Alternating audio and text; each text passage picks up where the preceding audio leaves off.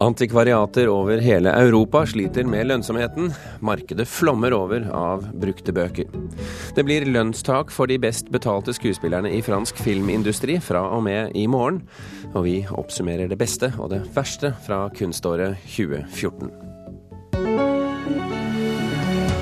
Hør hvilket museum som får stryk for sin storsatsing av året. Jeg kan røpe såpass at det ligger med nesetippen i vannkanten et sted i Oslo. Kulturnytt denne siste dagen i 2014 får du med Birger Kolsrud Aasund i studio.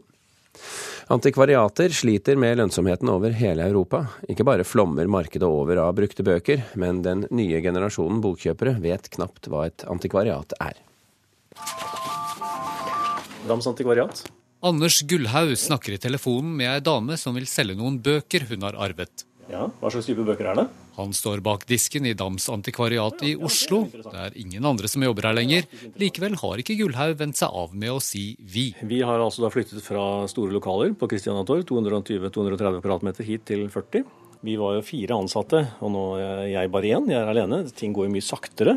Men, men jo, altså man sparer mye penger på det. Og slik er det visst for bokantikvariater over hele Europa. Det nærmeste eksempelet for oss er jo da Danmark eh, med København. Og Fiolstredet, da, som var liksom hovedgaten for antikvarbokhandlere, det er nesten ingen igjen. Det er kanskje bare to stykker. I gamle dager så var det liksom åtte stykker, ni stykker, ti stykker bare i Fiolstredet og i omkringliggende gater.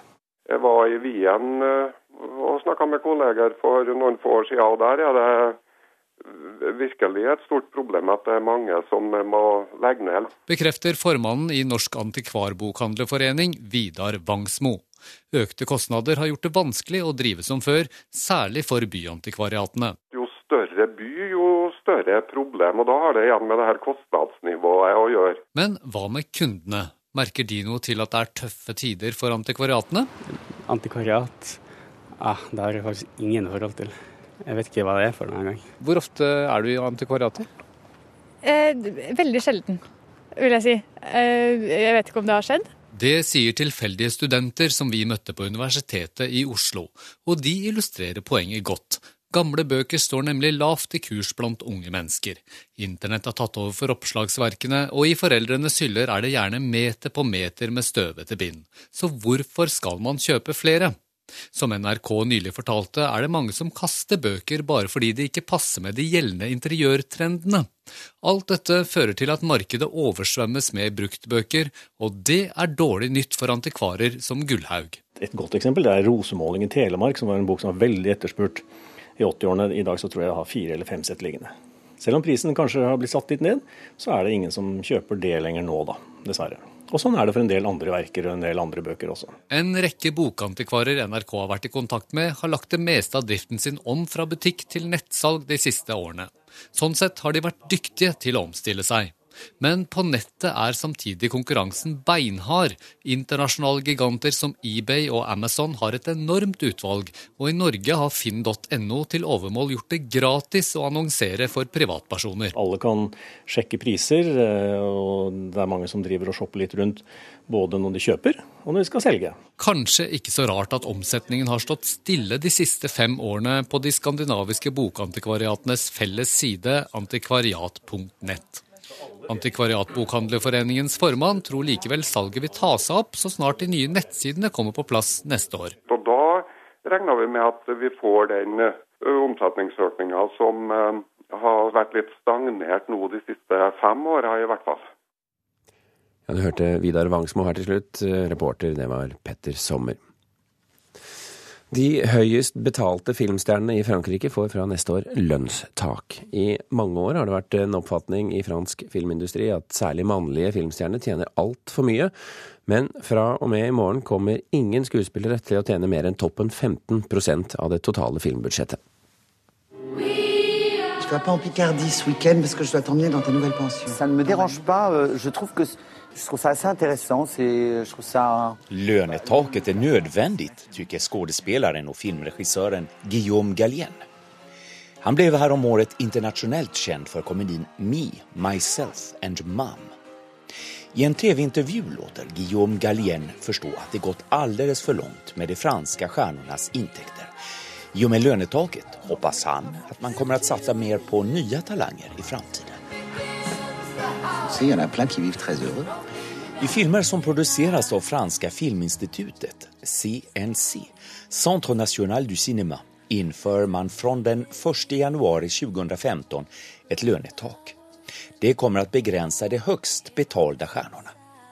I en film med en budget på eksempelvis 40 millioner kroner får en skuespiller ikke tjene mer enn 15% av filmens budget i framtiden. Det betyder en lön på maks 6 miljoner kroner i det fallet.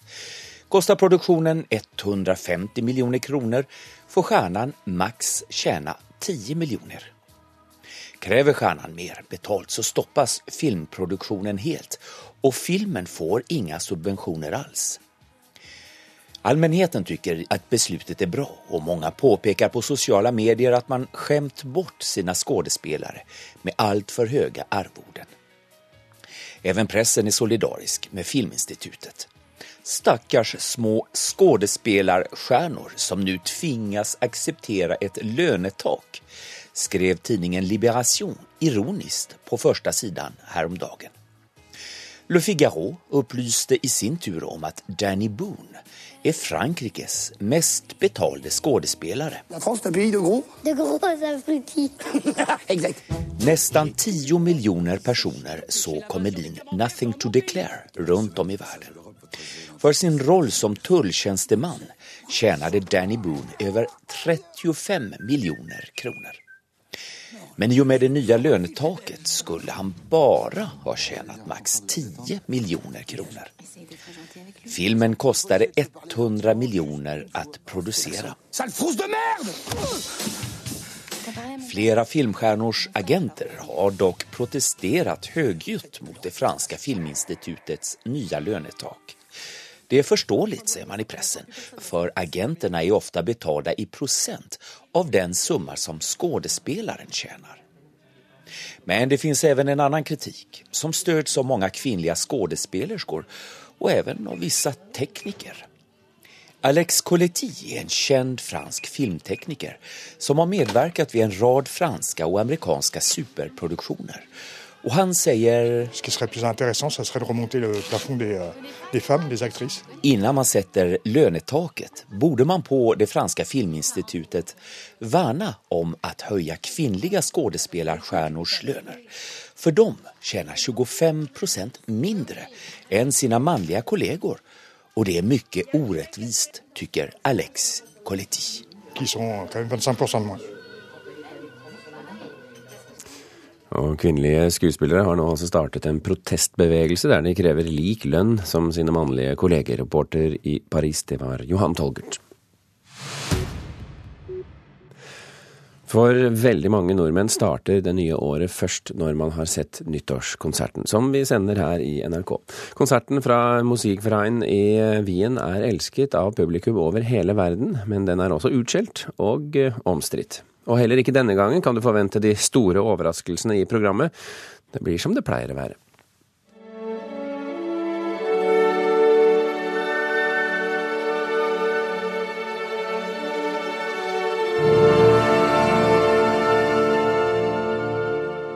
I morgen er dagen nok en gang kommet. Når Wiener Filharmoniker går på scenen, er Den gylne salen i Wiener Musikkverein pynta til fest med 30 000 blomster. Nok en gang vil Anders Blauen Donau av Johan Strauss den yngre tone gjennom salen og ut til fjernsynsseere i 90 land. Og nok en gang er det mest Strauss du får høre.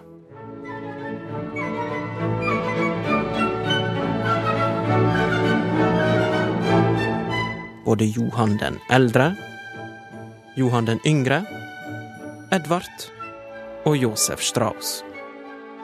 Nok en gang er det en mann som dirigerer orkesteret, slik har det forresten alltid vært, og nok en gang er både kvinner og etniske minoriteter kraftig underrepresenterte i et av verdens viktigste symfoniorkester noen av musikerne i orkesteret den gangen at nei, de kunne ikke få kvinner inn i orkesteret, fordi at da ville de bli distrahert, stakkars disse mannfolkene. Og da Det ville gå utover kvaliteten, og det kunne de ikke ha. Komponisten Synne Skauen studerte i Wien på begynnelsen av 70-tallet. Trass i stive tradisjoner tror hun nyttårskonserten kan fungere som en innfallsport til den klassiske musikken. Ja, hvorfor ikke? Man, mm, å starte med en musikk som veldig mange mennesker kan forholde seg til uten problemer.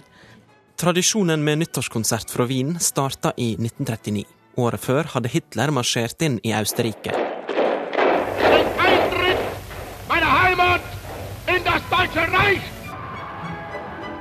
Denne aller første nyttårskonserten ble arrangert for å samle inn penger til en nazistisk organisasjon.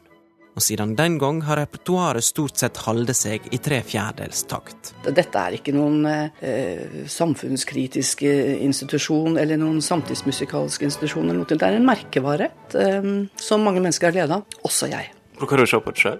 Ja, klart jeg skal se. Er du gal? Jeg sitter jo der. Jeg er jo kjempenostalgisk når jeg sitter der. Det benker meg alltid foran TV-en til den konserten. jeg hadde gjort. Du hørte Synne Skauen, og reporter her det var Lars Ivar Nordahl. Arild Erikstad, programleder her i NRK, kommentator under morgendagens konsert. Hva ved denne konserten er det du liker?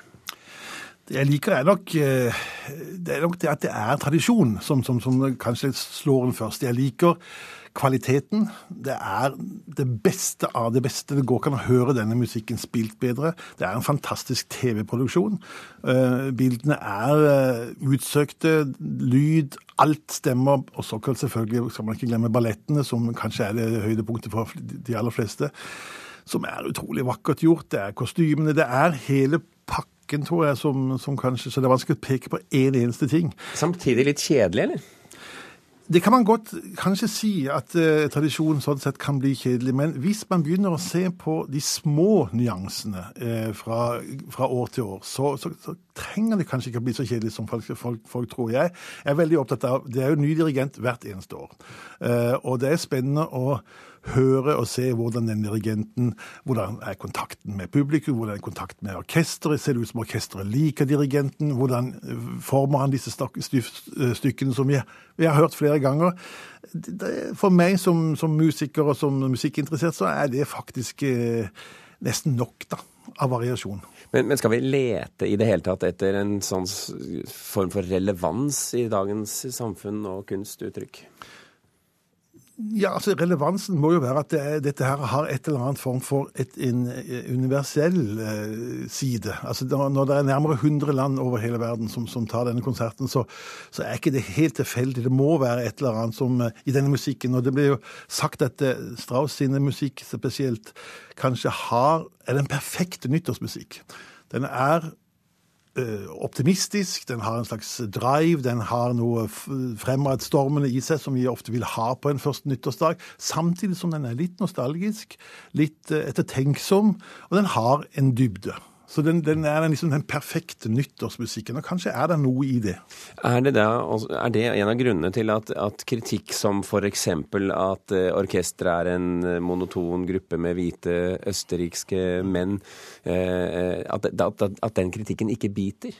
Det kan tenkes, og så må man tro at det, så må man se det sånn, dette er faktisk et av de få virkelig selvstyrte orkestrene. Det er musikerne selv som driver orkesteret. 100 Enhver avgjørelse i dette orkesteret tas i plenum, og det er eh, med simpelt flertall. Og det er jo på en måte det, det motsatte av slags eh, man skulle tro et slikt orkester ble drevet. Og det kan være også en litt formildende omstendighet, kanskje, for det musikere er som sitter i et orkester, de spiller tradisjonsmusikk hele året. De har en tradisjonell lang utdannelse. Det er kanskje ikke så rart at de er litt opptatt av kvaliteten i historien. Mm. Eh, hvis du skal spå, eh, tror du vi fremdeles kommer til å høre på nyttårskonserten i valsetakt om 25 år? Altså, det ser jo slik ut, altså, De øker og øker popularitet for hvert eneste år. Det er flere og flere nye land som kommer til. Nå passerer man altså 100 antageligvis neste år. Eh, så det er jo få ting som skulle tilsi at det ikke skulle skje. Så hvem vet, vi lever vel sikkert, krysser fingre, om 25 år. Får vi se, kanskje vi er de eneste i vår generasjon som gjør det. Arild Erikstad, tusen hjertelig takk for at du kom på denne nyttårsaften-sendingen. Da har vi kommet til det punktet i sendingen hvor vi oppsummerer kulturlivet for 2014. I dag er det kunsten Vi skal eh, oppsummere, og i studio har vi fått eh, vår vanlige anmelder eh, Mona Palle Bjerke, som har kommet. Velkommen til deg. Takk. Også for anledningen også Lars Elton, som har kommet i studio. Velkommen.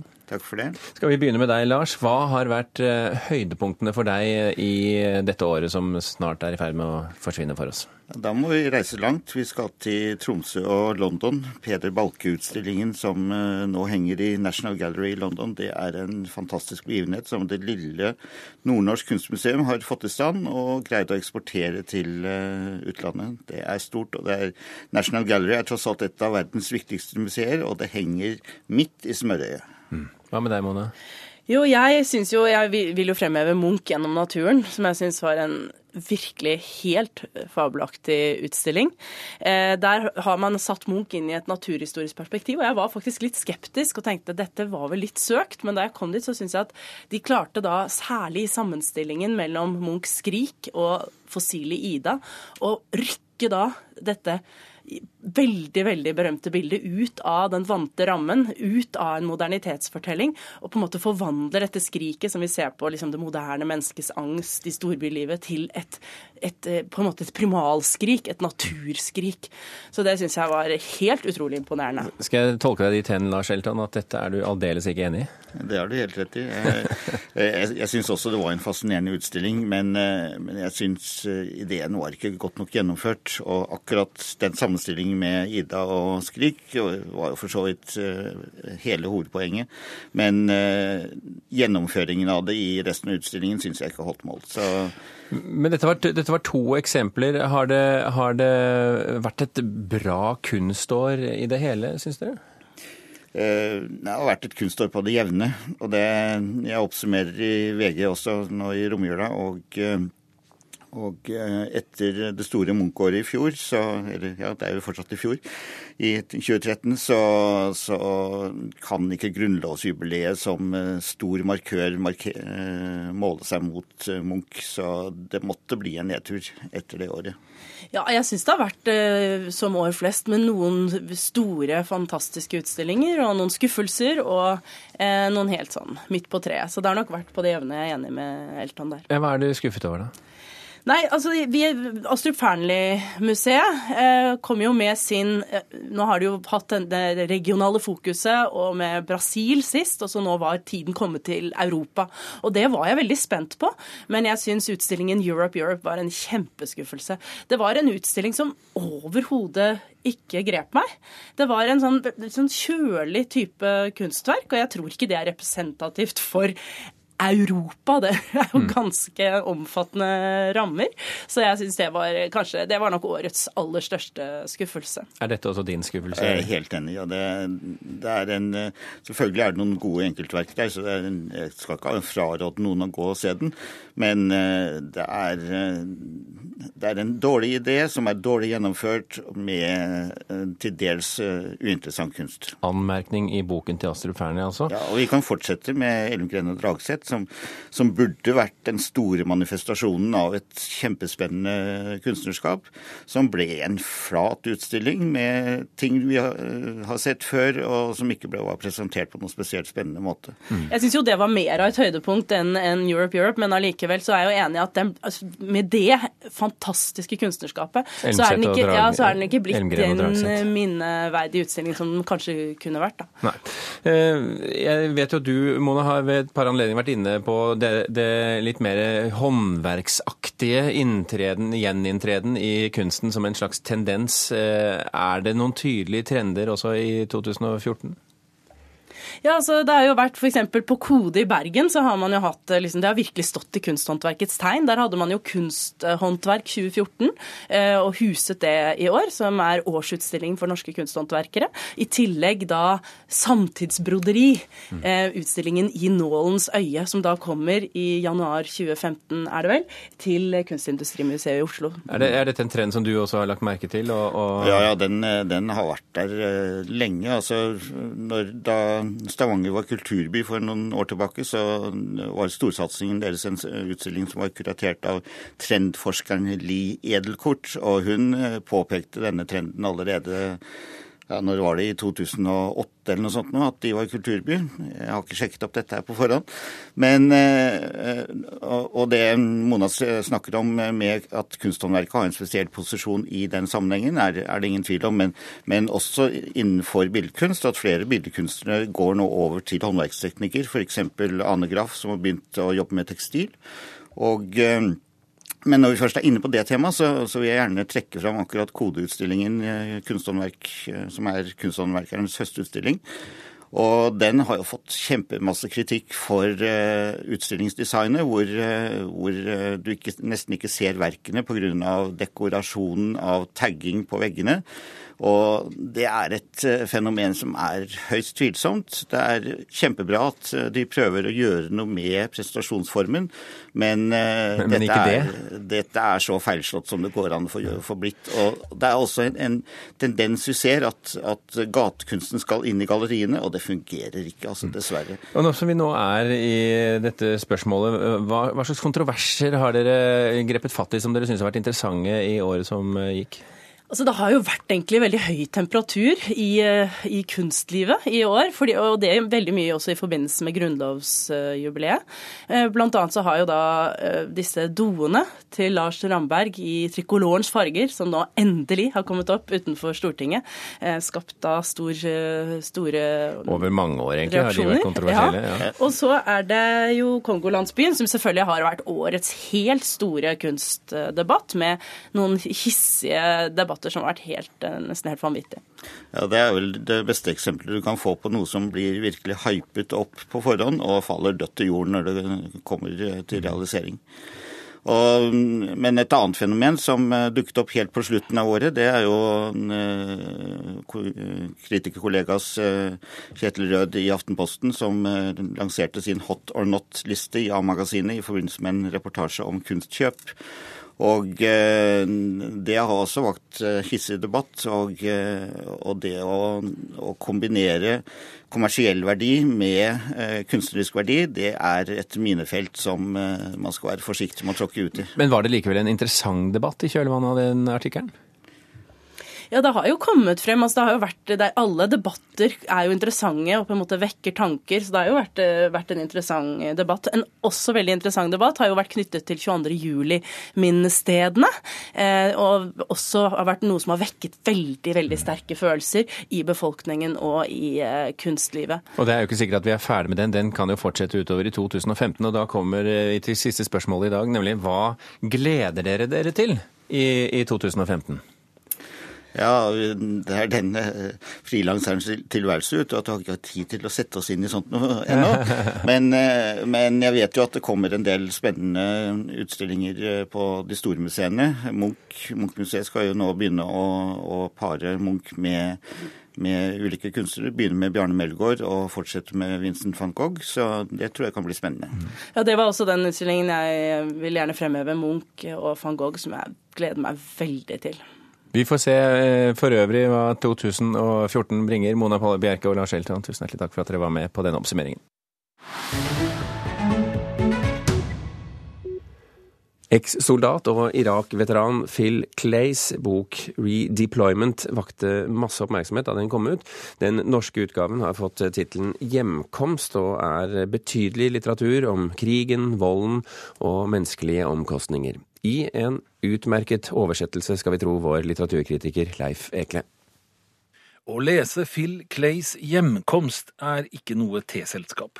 Jeg hadde nær sagt ikke noe for pyser. Men kanskje er det nettopp det boka er.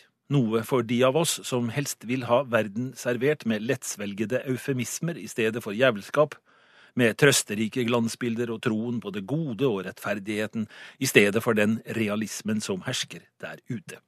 Jeg vet ikke hva svaret er, men jeg våger et veddemål på at du ikke kommer upåvirket ut på den andre siden av disse tolv historiene. Fordi du antagelig har forstått mer av forholdet mellom mennesker og krig enn du egentlig ville forstå i utgangspunktet. Tolv fortellinger, altså. Alle med hver sin jeg-person, som forteller om det å reise ut, det å slåss, se kamerater dø, drepe andre mennesker, men også ville gjøre noe som gir en slags mening bli såret, komme hjem etterpå. For ikke å si det å reise ut igjen for nye sju måneder. Det er ikke for ingenting at originalen heter Redeployment. Dette er i lange stykker ei fryktelig bok, og her nytter det ikke å komme trekkende med argumenter om unødvendig eller overdreven vold. Denne boka er vold, resultatet av opplevd og påført vold, skrevet av en tidligere amerikansk marinesoldat, en marine, som selv har gjort tjeneste i Irak. Phil Clay, altså.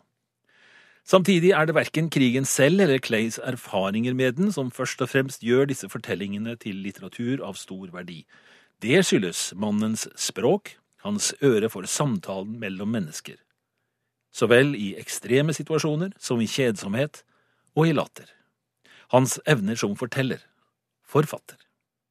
Ikke overraskende kan en leser bli minnet om Norman Mailers store roman fra andre verdenskrig, De nakne og de døde.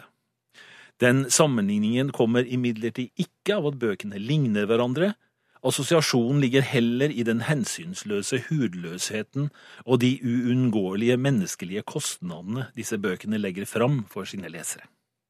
Jeg leste originalen halvveis da den kom, og fullførte nå oversettelsen, og påstår at Halvor Kristiansens norske tekst er glimrende.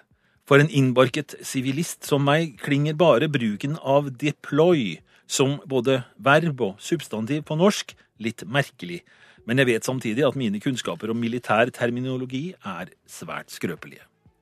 Det eneste som gjenstår da, er å legge til dette. Det er ikke bare svart og fryktelig i Phil Clays univers. Humoren og varmen er også deler av disse livene. Ikke minst gjelder det byråkratienes innebygde tragikomikk. Og med Leif Ekles sluttpoeng har vi kommet til Kulturnytts siste punktum for i år. La meg benytte anledningen fra alle oss her i Kulturnytt-redaksjonen til å ønske deg et riktig så godt nytt år i 2015, som det snart heter. Finn Lie, Espen Alnes og Birger Kolsrud Aasund takker for følget.